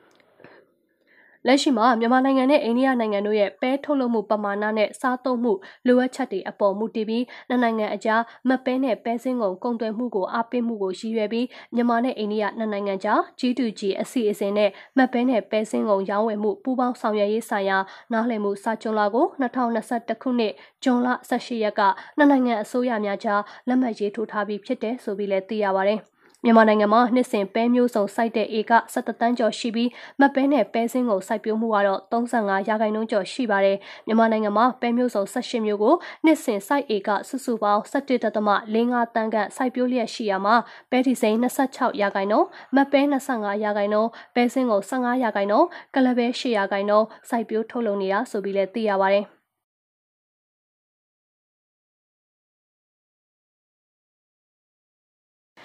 တရုတ်ဘက်ကနေမူဆယ်မြို့မှာရှိတဲ့မြို့နယ်၄မြို့နယ်အား COVID-19 ကင်းစင်နယ်မြေဖြစ်ဖို့အတွက်တောင်းဆိုနေတဲ့တဲ့ကိုဆက်လက်နားဆင်ရမှာပါ။ရှမ်းပြည်နယ်မြောက်ပိုင်းမူဆယ်မြို့မှာရှိတဲ့မူဆယ်နယ်စပ်ကုံသွယ်ရေးတရားဝင်နယ်စပ်ဂိတ်စခန်းများအပါအဝင်တရုတ်နိုင်ငံနဲ့ထိစပ်နေသောမြန်မာကုံသွယ်ရေးစုံတရားဝင်နယ်စပ်ဂိတ်စခန်းများဒီနှစ်အတွင်းဖွင့်လှစ်နိုင်ရန်အခြေအနေအလွန်နှဲပါနေရလို့သိရပါတယ်။ မူဆယ်ကုံစီတင်ပို့တဲ့တရားဝင်နယ်စပ်ကုန်သွယ်ရေးဂိတ်များပြန်လည်ဖွင့်လှစ်ရန်တရုတ်ဘက်ကမူဆယ်မြို့မှာရှိတဲ့မြို့နယ်၄မြို့နယ်အား COVID-19 ကင်းစင်နယ်မြေဖြစ်ဖို့တောင်းဆိုထားတယ်လို့သိရပြီးယောဂလုံးလုံးကင်းစင်မှဖွင့်လှစ်မယ်ဆိုပြီးလည်းသိရပါတယ်။တရုတ်နိုင်ငံကိုပိုင်အုပ်ချုပ်ခွင့်ရယူနန်ပြည်နယ် တဲဟုန်တိုင်းအစိုးရရွှေလီမြို့တော်ဝင်ဦးဆောင်တဲ့အဖွဲ့ဝင်များနဲ့မြန်မာနိုင်ငံမူဆယ်ခရိုင်တာဝန်ရှိသူများနယ်စပ်ကုံသွယ်ရေးတာဝန်ရှိသူများမူဆယ်မြို့နယ်တာဝန်ရှိသူများပါဝင်သောအဖွဲ့နဲ့အွန်လိုင်းဆွေးနွေးမှုကိုနိုဝင်ဘာ20ရက်မနက်9:00နာရီခန့်ကပြုလုပ်ခဲ့တယ်လို့သိရပြီးအဲ့ဒီအစည်းအဝေးမှာတရုတ်ဘက်ကနေအခုလိုတောင်းဆိုထားတာဆိုပြီးလည်းသိရပါတယ်။ တရုတ်ဘက်ကမူဆယ်၊နန်းခမ်း၊ပန်ဆိုင်၊ကျူကုတ်နဲ့မုံကိုတို့မှာ COVID-19 ရောဂါကင်းစင်မှာပဲမူဆယ်မြို့နယ်ထိစပ်နေတဲ့အခြားနယ်စပ်ဂိတ်တွေကိုပြန်လည်ဖွင့်ဖို့လှုံ့ဆော်နေသလိုအခြားတရုတ်နိုင်ငံနဲ့နည်းနမိတ်ချင်းထိစပ်နေတဲ့မြို့တွေမှာလည်း COVID-19 ရောဂါကင်းစင်မှသာတရုတ်မြန်မာတရုတ်ဝင်နယ်စပ်ဂိတ်စခန်းတွေကိုဖွင့်လှစ်ဖို့လှုံ့ဆော်နေတာဆိုပြီးသိရပါတယ်။ တရုတ်နိုင်ငံက COVID-19 ရောဂါအကြောင်းပြချက်နဲ့တရုတ်နိုင်ငံနဲ့နယ်စပ်ကုန်သွယ်ရေးပြုလုပ်နေတဲ့တရားဝင်နယ်စပ်ဂိတ်တွေကိုပိတ်ထားတဲ့အတွက်မူဆယ်105မိုင်နယ်စပ်ကုန်သွယ်ရေးဆောင်အပါအဝင် လွယ်ကျဲချင်းရွှေဟော်ကံပိုက်တီဂျိုင်းတုံအစရှိတဲ့နယ်စပ်ကုန်သွယ်ရေးဆောင်စခန်းတွေမှာပါကုန်သွယ်မှုတုံဆိုင်ရပ်တန့်သွားတာတွေကကုန်သွယ်မှုပမာဏအမေရိကန်ဒေါ်လာတန်ပေါင်းများစွာလျော့ကျနေကြောင်းလည်းသိရပါတယ်ဒီကနေ့အတွက်စီးပွားရေးသတင်းတွေကတော့ဒီလောက်ပါပဲရှင်။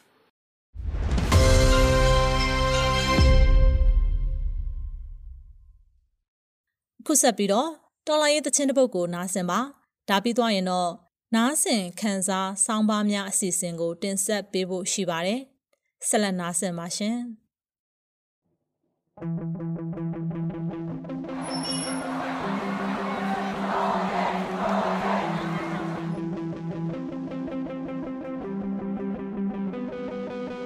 တိုင်းပြည်ကောင်းစားဖို့လက်သုံးလို့မှတုံးချလိုက်တဲ့ကြောက်တဲ့ ဒီလမ်းကိုမင်းတို့ရွေးရမှာလို့ဆုံးအောင်ရှောက်ခိုင်းနိုင်လို့တဲ့အောင်ဆွဲရီလောက်တော့အာယုံမနောက်ခဲ့မင်းအပါရင်ငယ်လေးပေါ်ထိတက်ပြီးပုံထောင်ဖောက်ခွဲစောင့်ရည်မရှိရတော့မြောက်ရီရုပ်တမဦးတဲ့နွားဝဲပါထပ်ပြီးဆွဲလို့သွားပြီးမင်းတို့ဘွားကနူးရချယူနီဖောင်းဝတ်ပြီးလူရဲတော့ရွေးကပလက်ကူရဲလာဘာသာသမီးတွေကောင်းစားနေချိန်မင်းတော့မပြောဦးနဲ့ညာဖြစ်ချင်တာကဟီးရိုဖြစ်သွားတာကဇီးရိုမိုးလုံးပြမှုကဝါရတဲ့စားထဲမှာကြီးစို့တိုင်းပြည်လုံးကိုမီး ထိုးကိုကြောင့်ကိုပြန်ပြီးဖို့မြို့ဘာသာပါနာဆိုပြီးပလာကတော့ဝင်ပြီးခိုးအဲ့လိုတော့လက်အောက်မှာချစ်ချစ်နက်နက်နေကြလားအကြောက်တရားတွေရဲ့အောက်မှာအသက်တွေကြီးပြီးသိမလားအခုချက်ချင်းထားခေရှာထားတော်လန်ရေးအတွက်နေရမြအာနာရှင်ရဲ့အာနာသူငါတို့လက်နဲ့ချိန်မသွားသူတွေနိုင်မဲ့ပွဲလေဘသူတွေနိုင်မဲ့ပွဲလေ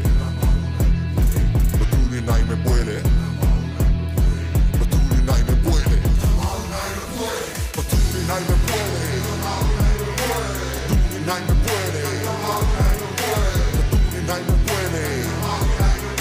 ဘသူတွေနိုင်မဲ့ပွဲလေရုံးမတက်လေရုံးထွက်ကြောင်းမတက်လေကြောင်းပြက်ခိုင်းနိုင်လုံးနဲ့နွားတွေမဟုတ်ဘူးငါတို့ကအုံတော့ကောင်းတယ်လူမျိုးဘာသာကြောင်းနေပြဿနာလာလာမရောင်းနေဘာဘာသာပဲကိုယ်ကိုကိုယ်ကိုစောက်ချင်ကောင်းနေပေါင်းနေအတူတလားလေးကောင်းနေခုပြချလိုက်တော့မြောင်းနေရှစ်ဆက်ရှစ်ကစောက်ချိုးအားလုံးနဲ့ဆက်တဲ့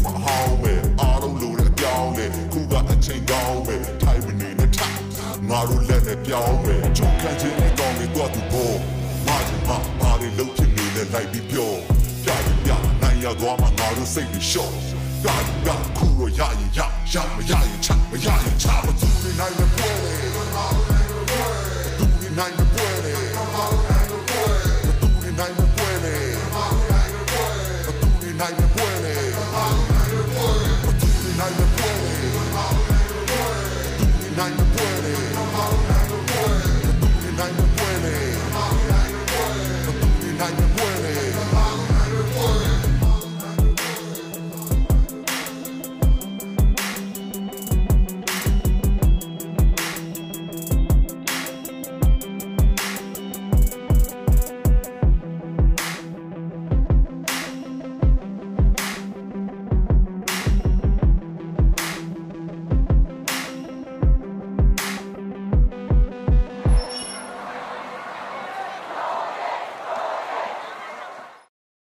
ဆက်လက်ပြီးတော့နားဆင်ခန်းစားစောင်းမများအစီအစဉ်ကိုမတ်မှုတက်ကတင်ဆက်ပေးမှာပါနားဆင်ပါရှင်။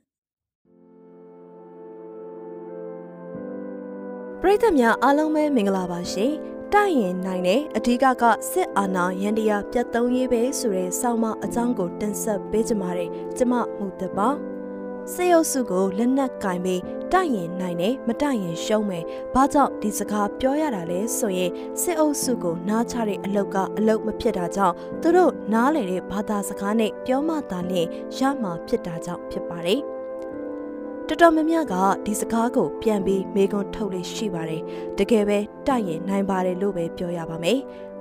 ဒီကနေ့စကိုင်းတိုင်းမြောက်ပိုင်းနဲ့ချင်းပြည်နယ်ကလူထုလက်နက်ကင်တိုက်ပွဲတွေကြောင့်ဆဲအုပ်စုဟာကွက်ပြည့်လွှမ်းမိုးမှုမရှိနိုင်တော့ဘူးလို့ဝန်ခံလိုက်ပြီးဖြစ်ပါတယ်။နိုဝင်ဘာလ18ရက်နေ့က BBC သတင်းဌာနနဲ့ဆဲအုပ်စုပြန်ကြားရေးကဗိုလ်ချုပ်ဇော်မဲလုံးတို့တွဲဆုံမေးမြန်းခန်းလှုပ်ထားတာကိုထုတ်လွှင့်ခဲ့ပါတယ်။တွဲဆုံမေးမြန်းခန်းကိုဦးဆောင်တဲ့ BBC သတင်းဌာနရဲ့အာရှရေးရာအကြီးတန်း editor Rebecca က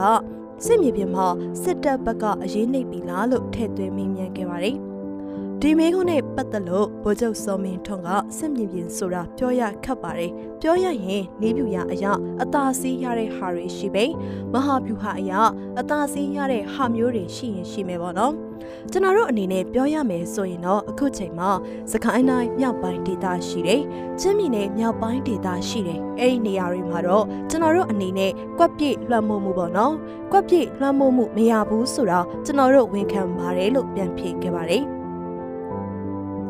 စီယိုစုဘက်ကပြည်သူခုခံတော်လှန်မှုတွေကြောင့်ထိခိုက်မှုသတင်းတွေကိုစိုက်လိုက်မှတ်တက်ဖုံးကွယ်နေတဲ့ဂျားကနေစကိုင်းနဲ့ချင်းမှာစစ်ဘက်ကနေမြေစိုးမိုးမှုမလုပ်နိုင်ဘူးဆိုတာကိုဝန်ခံလိုက်ရတာဖြစ်ပါတယ်။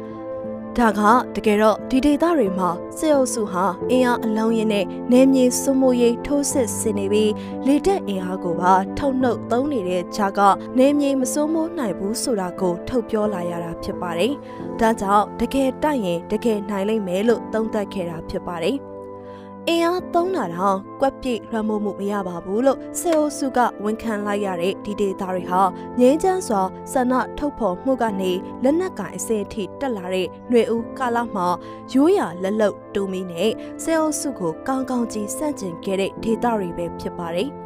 စကိုင်းကလေးတာဟန်းခံတက်မှာဆဲအုပ်စုလက်နက်ကင်တွေနောက်လန်ကြားခဲ့ရတယ်လို့ချင်းမိနယ်မင်းတပ်ဆိုရင်စစ်တပ်ဘက်ကအပြည့်ရက်ရေးစပြောခဲ့ရတဲ့အထိစီးရေးအရာထိုးနှက်နိုင်ခဲ့တဲ့ဒေသတွေဖြစ်ပါတယ်။ ဒီဒေသတွေဟာဒီမိုကရက်နိုင်ငံရေးသမားတွေစုဖွဲ့ထားတဲ့အမျိုးသားညီညွတ်ရေးအစိုးရ NUG မဖြစ်ခင်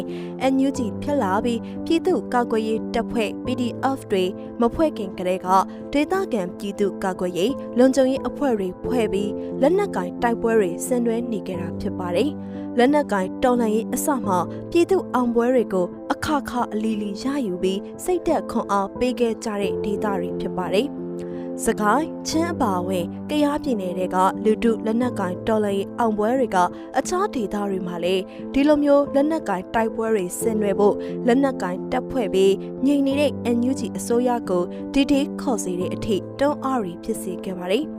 ဒီလူတို့လက်နက်ကင်တိုက်ပွဲတွေဟာခင်မီမောင်းပြန်တဲ့နက်တွေခင်မီလက်နက်တွေမပါပေမဲ့စေအုပ်စုလက်အောက်ခံတပ်တွေကိုကောင်းကောင်းကြီးအကြက်တွေ့ရှုံးနိမ့်စေခဲ့ပါတယ်။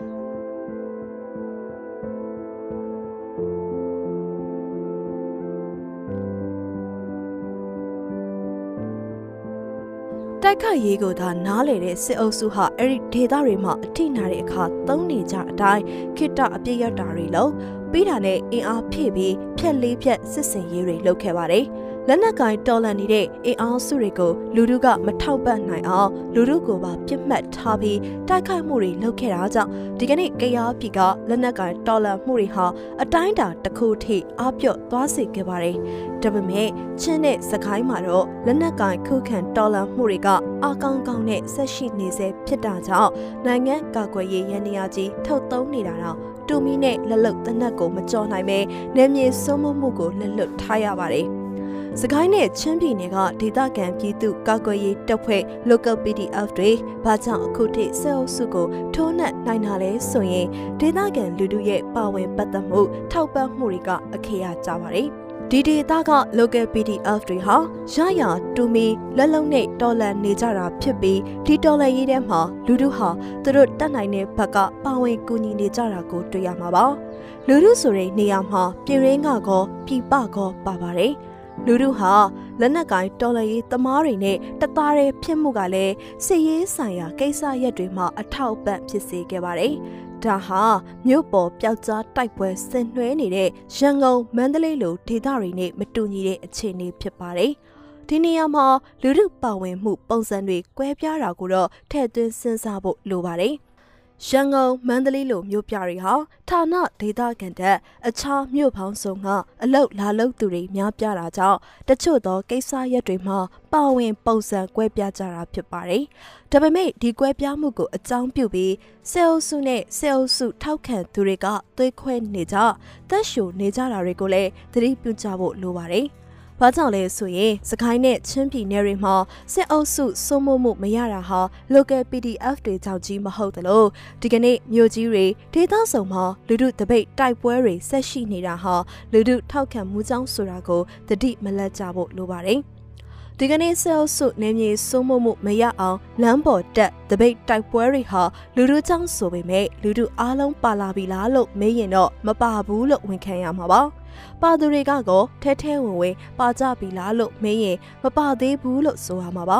ဒါဟာဒီကနေ့ຫນွေဦးတော်လန်ရေးကြီးရဲ့ခါသီးတဲ့အမှတ်တရပဲဖြစ်ပါတယ်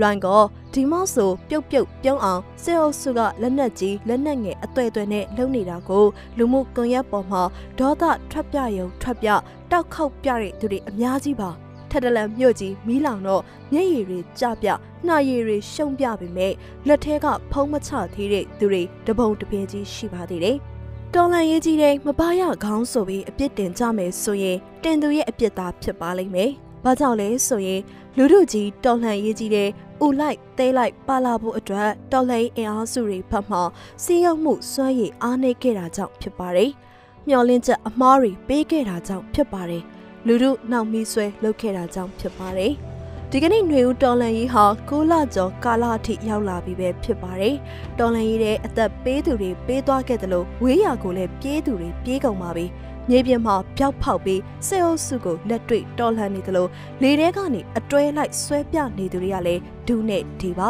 ။ဒါဟာတော်လန်ကြီးကာလဖြစ်တဲ့တဘာဝပဲမို့အထူးပြောမနေတော့ပါဘူး။တေးကြတာတစ်ခုကတော့စေအုပ်စုကိုတကယ်တိုက်ရင်နိုင်ပါတယ်။စေအုပ်စုဟာတိုင်းရင်းသားလက်နက်ကအင်အားစုတွေကိုနှစ်ဖက်သဘောတူညီမှုပေးထားတဲ့နေမြေကလွဲလို့အရင်တုန်းကနေမြေပိုင်စိုးမှုကိုတောက်လျှောက်ယူထားနိုင်သူတွေပါ ဒါပေမဲ့ဒီကနေ့မှာစေအုပ်စုဟာနေမြေတချို့ကိုလက်လွတ်ထားလိုက်ရပြီဖြစ်ပါတယ်။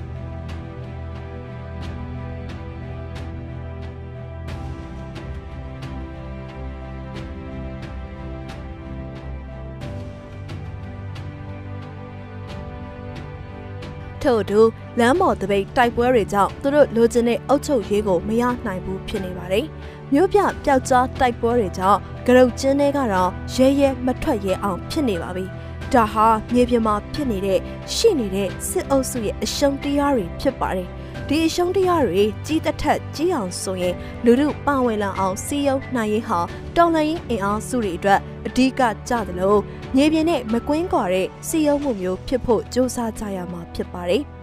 ဒီကနေ့နိုင်ငံအတွက်အရေးကြီးဆုံးလှုပ်ရမယ့်အလုပ်ဟာစစ်အုပ်စုနဲ့စစ်အာဏာရန်တရားကြီးပြတ်သုံးပျက်စီးသွားရေးတာဖြစ်ပါတယ်။အာဏာနိုင်ငံရေးမဟုတ်တယ်လို့ Federal ပြည်ထောင်စုကြီးတည်ဆောက်ဖို့မဟုတ်သေးပါဘူး။စေအုပ်စုရှိနေတဲ့ဒီလုပ်ငန်းတွေဟာဘတော်မှလုံးလို့ရမယ့်ကိစ္စလည်းမဟုတ်ဘူးဆိုတာကိုအာဏာနိုင်ငံရေးနယ်ပယ်တဲ့ထဲထဲဝင်ဝင်ပါနေသူတွေသတိမလစ်ကြဖို့လိုပါတယ်။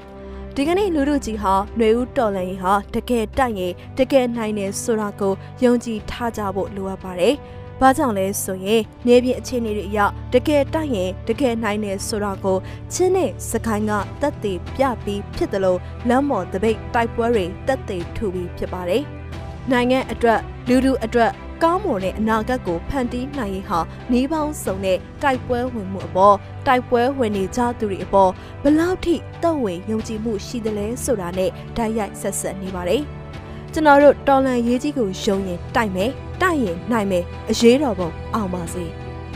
ဒါကြောင့်တကယ်တိုက်ရင်တကယ်နိုင်လိမ့်မယ်လို့သုံးသပ်ခဲ့တာဖြစ်ပါတယ် အင်အားသုံးတာတော့ကွက်ပြည့်ရမို့မှုမရပါဘူးလို့စေအိုစုကဝန်ခံလိုက်ရတဲ့ဒီဒေတာတွေဟာငြင်းချမ်းစွာဆန္ဒထုတ်ဖော်မှုကနေလက်နက်ကင်အစအထိတက်လာတဲ့ຫນွေဦးကာလမှာရိုးရာလက်လုံတူမီနဲ့စေအိုစုကိုကောင်းကောင်းကြီးစန့်ကျင်ခဲ့တဲ့ဒေတာတွေပဲဖြစ်ပါတယ်။ စကိုင်းကလေးတာဟန်းခံတက်မှာဆဲအုပ်စုလက်နက်ကင်တွေနောက်လန်ကြားခဲ့ရတယ်လို့ချင်းမီနဲ့မင်းတပ်ဆိုရင်စစ်တပ်ဘက်ကအပြည့်ရက်ရေးစပြောခဲ့ရတဲ့အထိစီးရေးအရာထိုးနှက်နိုင်ခဲ့တဲ့ဒေတာတွေဖြစ်ပါတယ်။ ဒီဒေသတွေဟာဒီမိုကရက်နိုင်ငံရေးသမားတွေစုဖွဲ့ထားတဲ့အမျိုးသားညီညွတ်ရေးအစိုးရ NUG မဖြစ်ခင် NUG ဖြစ်လာပြီးပြည်သူ့ကာကွယ်ရေးတပ်ဖွဲ့ PDF တွေမဖွဲ့ခင်ကတည်းကဒေသခံပြည်သူ့ကာကွယ်ရေးလုံခြုံရေးအဖွဲ့တွေဖွဲ့ပြီးလက်နက်ကင်တိုက်ပွဲတွေဆင်နွှဲနေကြတာဖြစ်ပါတယ်။လက်နက်ကင်တော်လှန်ရေးအစမှပြည်သူအောင်ပွဲတွေကိုအခါခါအလီလီရယူပြီးစိတ်သက်ခွန်အားပေးခဲ့ကြတဲ့ဒေသတွေဖြစ်ပါတယ်။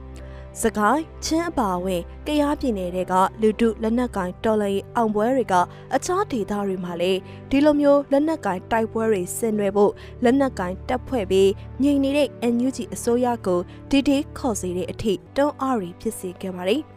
ဒီလူတို့လက်နက်ကင်တိုက်ပွဲတွေဟာခင်မီမောင်းပြန်တဲ့နက်တွေခင်မီလက်နက်တွေမပါပေမဲ့စေအုပ်စုလက်အောက်ခံတပ်တွေကိုကောင်းကောင်းကြီးအကျက်တွေ့ရှုံးနိမ့်စေခဲ့ပါတယ်။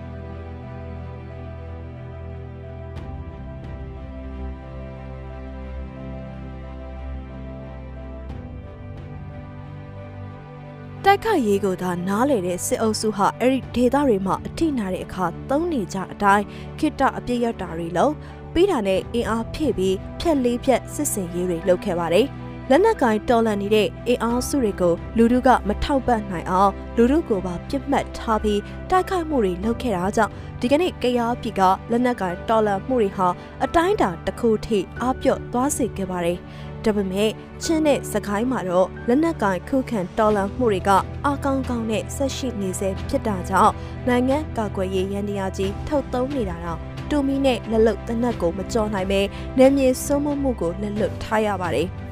စစကိုင်းနဲ့ချင်းပြည်နယ်ကဒေသခံပြည်သူကာကွယ်ရေးတပ်ဖွဲ့ local PDF တွေဘာကြောင့်အခုထိဆဲအုပ်စုကိုထိုးနှက်နိုင်တာလဲဆိုရင်ဒေသခံလူထုရဲ့ပါဝင်ပတ်သက်မှုထောက်ပံ့မှုတွေကအခရာကြပါတယ်။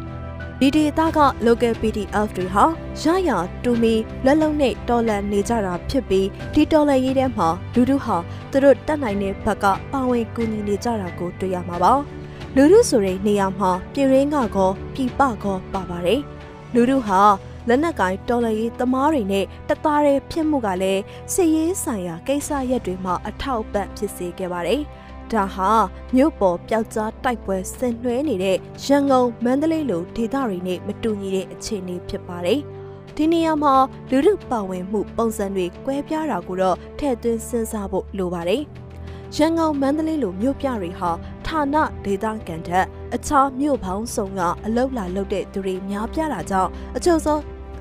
ရန်ကုန်မန္တလေးလိုမြို့ပြတွေဟာဌာနဒေသခံတဲ့အခြားမြို့ပေါင်းစုံကအလောက်လာလုပ်သူတွေများပြားတာကြောင့်တချို့သောကိစ္စရပ်တွေမှာပါဝင်ပုံစံကွဲပြားကြတာဖြစ်ပါတယ်။ဒါပေမဲ့ဒီကွဲပြားမှုကိုအကြောင်းပြုပြီးဆဲအုပ်စုနဲ့ဆဲအုပ်စုထောက်ခံသူတွေကသွေးခွဲနေကြတက်ရှူနေကြတာတွေကိုလည်းသတိပြုကြဖို့လိုပါတယ်။။ ဘာကြောင့်လဲဆိုရင်စကိုင်းနဲ့ချင်းပြည်နယ်တွေမှာစစ်အုပ်စုစိုးမိုးမှုမရတာဟာ local PDF တွေကြောင့်ကြီးမဟုတ်တယ်လို့ဒီကနေ့မြို့ကြီးတွေဒေသဆောင်မှာလူထုတပိတ်တိုက်ပွဲတွေဆက်ရှိနေတာဟာလူထုထောက်ခံမှုကြောင့်ဆိုတာကိုသတိမလတ်ကြဖို့လိုပါတယ်။ဒီကနေ့ဆဲလ်စုနေမြေစိုးမိုးမှုမရအောင်လမ်းပေါ်တက်တပိတ်တိုက်ပွဲတွေဟာလူလူကြောင့်ဆိုပေမဲ့လူလူအားလုံးပါလာပြီလားလို့မေးရင်တော့မပါဘူးလို့ဝန်ခံရမှာပါ။ ပါသူတွေကကောထဲထဲဝင်ဝင်ပါကြပြီလားလို့မေးရင်မပါသေးဘူးလို့ဆိုရမှာပါဒါဟာဒီကနေ့ຫນွေဦးတော်လန်ရေးကြီးရဲ့ခါသီးတဲ့အမှတ်တရားပဲဖြစ်ပါတယ်လွိုင်းကောဒီမော့ဆိုပြုတ်ပြုတ်ပြုံးအောင်စေအုပ်စုကလက်နက်ကြီးလက်နက်ငယ်အသွဲ့အသွဲနဲ့လုံနေတာကိုလူမှုကွန်ရက်ပေါ်မှာဒေါသထွက်ပြယုံထွက်ပြတောက်ခောက်ပြတဲ့သူတွေအများကြီးပါ ထက်တလန်မြို့ကြီးမီးလောင်တော့မျက်ရည်တွေကြပြနှာရည်တွေရှုံပြပေမဲ့လက်ထဲကဖုံးမချသေးတဲ့သူတွေတပုံတပင်ကြီးရှိပါသေးတယ်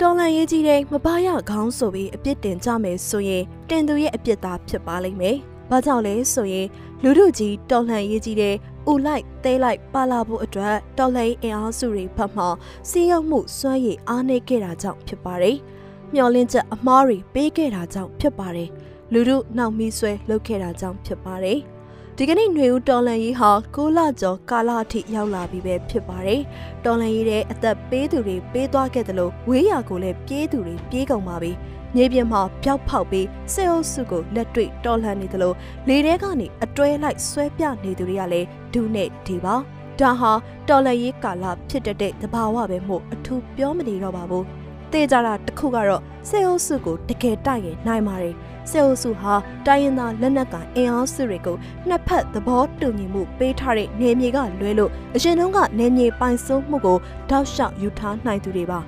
ဒါပေမဲ့ဒီကနေ့မှာစေအုပ်စုဟာနေမြေတချို့ကိုလက်လွတ်ထားလိုက်ရပြီဖြစ်ပါတယ်။ထို့သူလမ်းပေါ်တပိတ်တိုက်ပွဲတွေကြောင့်သူတို့လိုချင်တဲ့အုပ်ချုပ်ရေးကိုမရနိုင်ဘူးဖြစ်နေပါတယ်။မြို့ပြပျောက်ကြားတိုက်ပွဲတွေကြောင့်ကရုတ်ကျင်းတွေကတော့ရဲရဲမထွက်ရဲအောင်ဖြစ်နေပါပြီ။ဒါဟာမြေပြင်မှာဖြစ်နေတဲ့ရှိနေတဲ့စစ်အုပ်စုရဲ့အရှုံးတရားတွေဖြစ်ပါတယ်။ ဒီအရှုံးတရားတွေကြီးတစ်ထက်ကြီးအောင်ဆိုရင်လူမှုပါဝင်လာအောင်စီယုံနိုင်ရေးဟာတော်လှန်ရေးအင်အားစုတွေအတွက်အဓိကကြသလိုမြေပြင်နဲ့မကွင်းကွာတဲ့စီယုံမှုမျိုးဖြစ်ဖို့ကြိုးစားကြရမှာဖြစ်ပါတယ်။ဒီကနေ့နိုင်ငံအတွက်အရေးကြီးဆုံးလှုပ်ရမယ့်အလုပ်ဟာစစ်အုပ်စုနဲ့စစ်အာဏာရန်တရားကြီးပြတ်သုံးပျက်စီးသွားရေးတာဖြစ်ပါတယ်။အာဏာနိုင်ငံရေးမဟုတ်သလို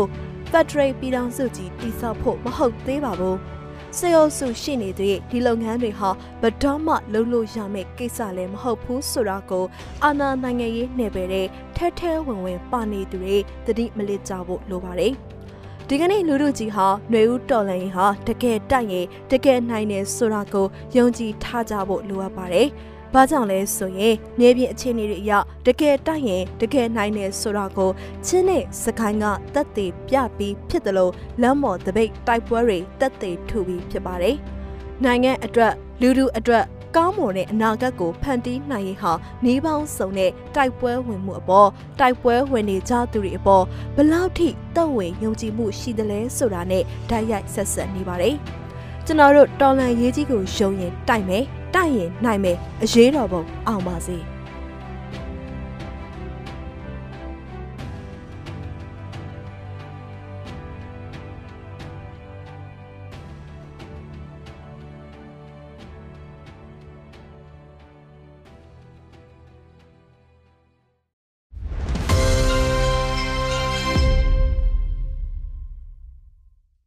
နားဆင်ခံစားစောင်းမများအစီအစဉ်ကိုတင်ဆက်အပြီးမှာ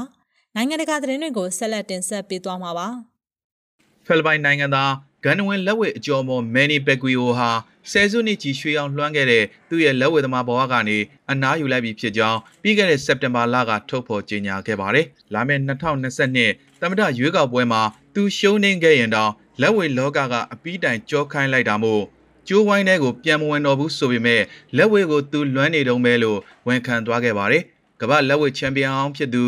ပက်ကွီယိုဟာလူထောင်ပေါင်းများစွာတေဆုံးစေခဲ့တဲ့တမ်တောက်ရော်ဒရီဂိုဒူတာတေရဲ့ရက်ဆက်ကြမ်းကြုတ်တဲ့မူးယစ်နှိမ်နင်းရေးစစ်ပွဲကိုပေါ်ပေါ်တင်တင်ထောက်ခံခဲ့သူဖြစ်ပါတယ်။သို့တော်လည်း2022အတွက်တမတာလောင်းအဖြစ်ဝင်ရောက်ရွေးခံမဲ့ပက်ကွီယိုဟာတမတာတက်တန်းကုံတော့မဲ့ဒူတာတေနဲ့တက်နိုင်သမျှခက်ခွာခွာနေထိုင်နေပြီဖြစ်တယ်လို့မူရစေးနဲ့ပတ်သက်လို့ပြစ်မှုကျူးလွန်ထားသူတွေအနေနဲ့ဥပဒေကြောင်းအရသူတို့ကိုသူတို့ခုခံကာကွယ်ပိုင်ခွင့်ရှိတဲ့ကြောင်းထုတ်ပြောလာပြီးဖြစ်ပါတယ်။ ဒူတာဒေဟာမူရနှိမ်နှင်းရေးစစ်ပွဲအတွင်း၎င်းရဲ့သွေးချောင်းစီးဖြိုခွဲမှုအတွက်နိုင်ငံတကာရဲ့စုံစမ်းစစ်ဆေးမှုတွေကိုရင်ဆိုင်နေရပြီဖြစ်ပါတယ်။ပက်ကွေယိုဟာ၎င်းငယ်စဉ်ဘဝကစေးကြောင်းနဲ့ဒေတာတွင်းအမည်ရှာဘူးလို့ခေါ်တဲ့မက်သဖက်တမင်းစိတ်ကြွမူရစေးပြားတွေသုံးစွဲခဲ့မှုကြောင့်2016ခုနှစ်ကဝန်ခံလိုက်ချိန်မှာအားကစားလောကတစ်ခုလုံးတုန်လှုပ်သွားခဲ့ရပါတယ်။ လမ်းဘေးလေလွင့်ကလေးဘဝကနေအကြီးကျယ်ဆုံးလက်ဝဲသမားဘဝအထိခြုံကြားမှသည့်ဘုံပြားထိတက်လန်းနိုင်ခဲ့လို့လူသိများတဲ့ဘက်ကွေယိုဟာတမရရွေးကောက်ပွဲမှာ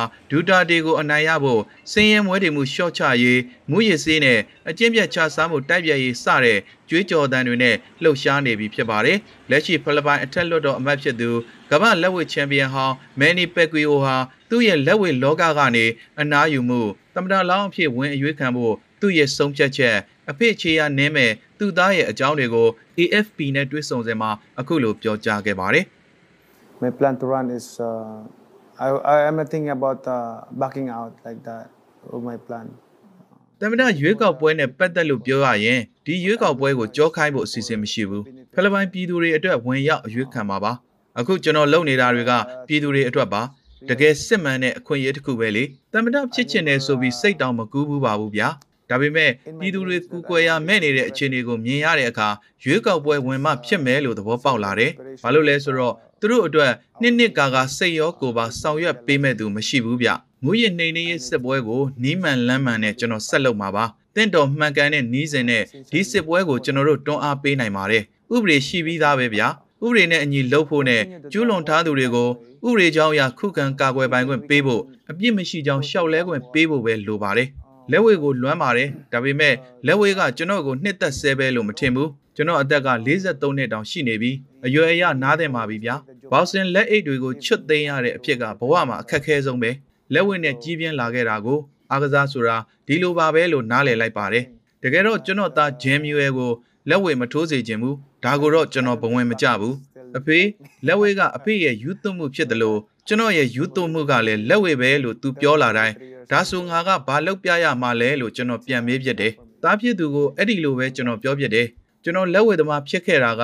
စင်းရဲမွဲတေလွန်းလို့ဗျ။ဘာဆိုဘာမှမရှိတဲ့ဘဝစားစရာတောင်မရှိဘူး။အဲ့လိုအခြေအနေကြောင့်လက်ဝဲထိုးပြတာလို့သူ့ကိုပြောပြတယ်။မင်းလိုဘဝမျိုးသားငါရခဲ့ရင်ငါလက်ဝဲမထိုးဘူးလို့ပြောလိုက်တယ်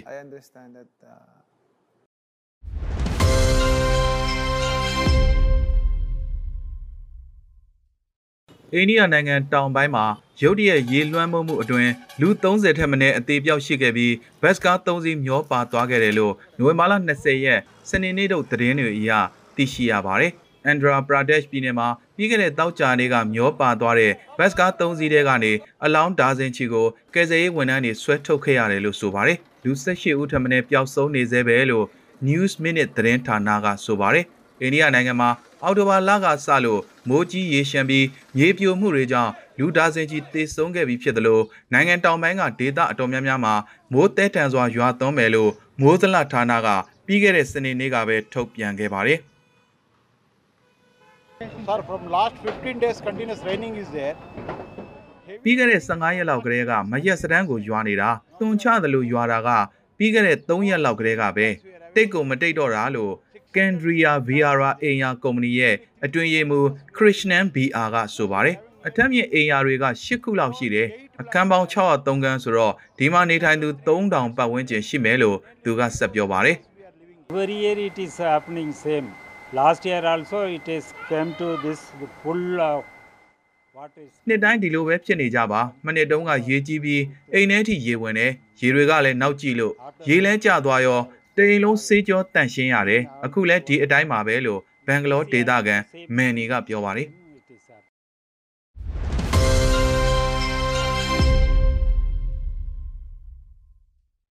Vilnius မှာ ထိုင်ဝမ်ကိုကိုယ်ပိုင်နာမည်နဲ့ကိုယ်စားလှယ်ရုံးဖွင့်ခွင့်ပြုခဲ့တဲ့လစ်သူရေးနီးယားနဲ့တန်တမန်ဆက်ဆံရေးကိုတရားဝင်အဆင့်လျှော့ချလိုက်ပြီးတဲ့နောက်၎င်းရဲ့ထိုင်ဝမ် policy များအပေါ်အင်အားကြီးနိုင်ငံတချို့ရဲ့သွေးထိုးလှုပ်ဆော်မှုတွေကိုခံနေရကြောင်းတရုတ်ကဆွဆွဲလိုက်ပါတယ်။လစ်သူရေးနီးယားနိုင်ငံနဲ့ တန်တမန်ဆက်ဆံရေးကိုအဆင့်လျှော့ချလိုက်ကြောင်းတရုတ်နိုင်ငံသားရေးဝန်ကြီးဌာနကနိုဝင်ဘာလ22ရက်တနင်္ဂနွေနေ့ကပြောကြားလိုက်ပါတယ်။တရုတ်ဟာ၎င်းရဲ့ပိုင်တဲ့ဒစိမ့်တစ်ပိုင်းအဖြစ်သတ်မှတ်ထားတဲ့ကျွန်းကိုထိုင်ဝမ်ဆိုတဲ့စကားလုံးနဲ့တရားဝင်ပြောဆိုသုံးစွဲမှုမှန်သမျှကိုတားမြစ်ထားပါတယ်။တရုတ်ဆိုရအနေနဲ့မိမိရဲ့အချုပ်အခြာအာဏာနဲ့နိုင်ငံတကာဆက်ဆံရေးရဲ့အခြေခံစံနှုန်းတွေကိုကာကွယ်ရန်အတွက်နှစ်နိုင်ငံကြားတန်တမန်ဆက်ဆံရေးကိုလျှော့ချဖို့လိုအပ်တဲ့အတွက်ကိုယ်စားလှယ်ရုံးအဆင့်အဖြစ်လျှော့ချလိုက်ကြောင်း ဝန်ကြီးဌာနရဲ့ထုတ်ပြန်ချက်မှာဖော်ပြထားပါတယ်။လီသူရေးနီးယားအစိုးရဟာရင်းကြောင်ဖြစ်လာတဲ့အကျိုးဆက်အလုံးကိုတာဝန်ခံရမယ်။၎င်းဟာတရုတ်နိုင်ငံနဲ့ တန်တမန်ဆက်ဆံရေးထူထောင်စဉ်ကထားရှိခဲ့တဲ့နိုင်ငံရေးကတိကဝတ်တွေကိုစွန့်ပယ်ခဲ့တယ်လို့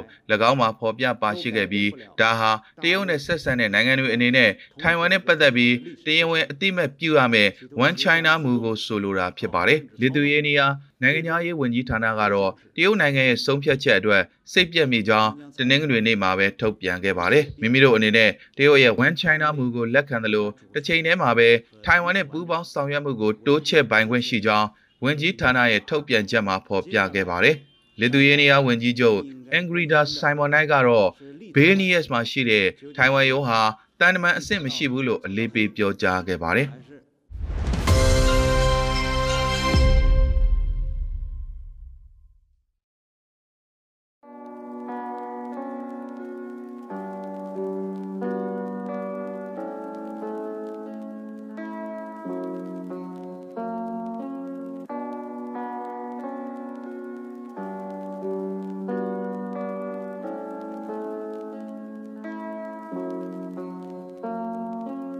February 1နဲ့ခွေးရပလင်ပေါ်တက်သွားတာကိုဗစ်ဆိုတဲ့ကက်တရားကလက်များပြနှုတ်ဆက်ထွက်သွားတာမှတ်သားစာပြေးတဲ့ຫນွေဦးတော်လန်ရေးပြည်သူတွေလမ်းပေါ်တမတ်တက်ရဲ့ကြီးစံနဲ့တနတ်များကြအာ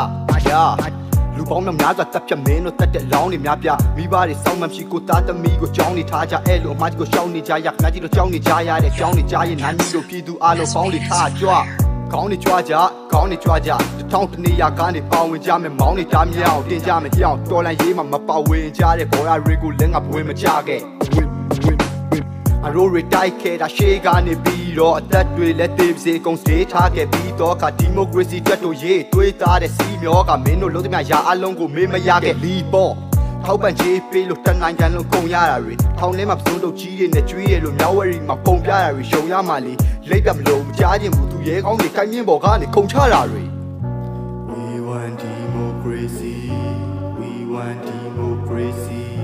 we want democracy for our future life နောက်နာကလူခွင့်ရေးလွတ်လပ်မှုတွေအတွက် democracy ကိုရအောင်လို့ယူရမှာအဲ့အတွက်တိုင်းနိုင်တိုင်းတိုင်းနိုင်တဲ့လူကတော့လူ ကြပါလက်စိုးတွေဖြူစားတာမခံနဲ့ဘယ်သူမှလာတားလို့မရဘူးငါဆွဲအောင်မှတ်တာ democracy ရအောင်ယူရမှာပဲစဉ်းစားကြည့်ခက်ပြတ်နေပြီ side fair ကိုဘယ်သူရတာလဲလူချင်းနဲ့ပန်းနဲ့ကတူတယ်မူကလာကွဲတယ်ကွဲရတယ်ခဏခါလက်တွေတူတူကလာတွဲကရှေ့ကိုတူသွားပါကဲသွားပါကဲဟိုတလောကအောက်ဆီဂျင်နဲ့တေးရှားသွားတာဘာကြောင့်လဲဘာကြောင့်လဲ ငငါစဉ်းစားလဲဖြေကရမလားရလိုက်တဲ့ဖြေကငါတိစိတ်ကိုဝေဝါသွားကစိတ်ယုံတော့မီးဖြတ်လိုက်တာတဲ့ငါဖာနဲ့တော့ပါသွားသေးတယ်အဲ့ချိန်တေးများကြားမှာမင်းတို့ကြီးဆွဲချိန်မှုဆန္ဒပြလို့ဖမ်းတာရတယ် sexual harassment လုံးစရာမလိုပါငန်းတာမြလမ်းမှာဒါဒုတ်တင်နဲ့ဝိုင်းရိုက်စရာလည်းမလိုပါကွာမင်းတို့အုပ်ချုပ်တဲ့ရှစ်လမှာဖြစ်လာတာနိုင်ကန်ကြီးပြန်ပတာများ ပိုလာရှာရှာလေးစိတ်ကိုကနာတယ်မျက်ရည်တွေပြိုကကြဘလူရာကငါ့ကိုဖြိုလာတာလေအုံနောက်ပွင့်သွားတယ်ဝေးရမင်းပုံမြင်တိုင်းဖြိုကငါလေသူရဲကောင်းညီညီရဲ့သွေးဆက်တကမာရွတ်ထားငါရှိမှဆိုကကွာရွှဲလူငယ်တွေတင်းနေတာငါတို့မျက်ကွယ်ပြူလျှော်ရမ်တင်ရရင်ရတယ်လို့တော်တန်တင်တော့တော်လန့်ပြစ်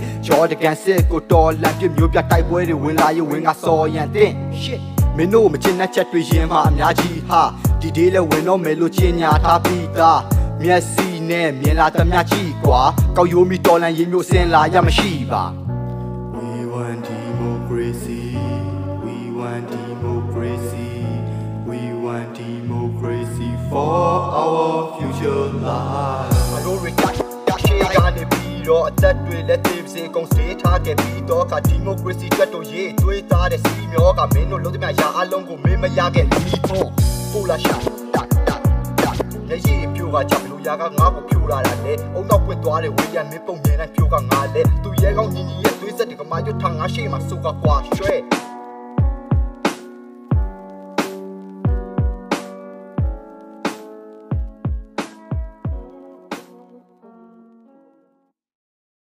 108 FM ရဲ့ဒီနေ့ညသတင်းတွေကတော့ဒီလောက်ပါပဲနားဆင်ကြကြသူတွေအားလုံးကျမ်းမာကြပါစေရှင်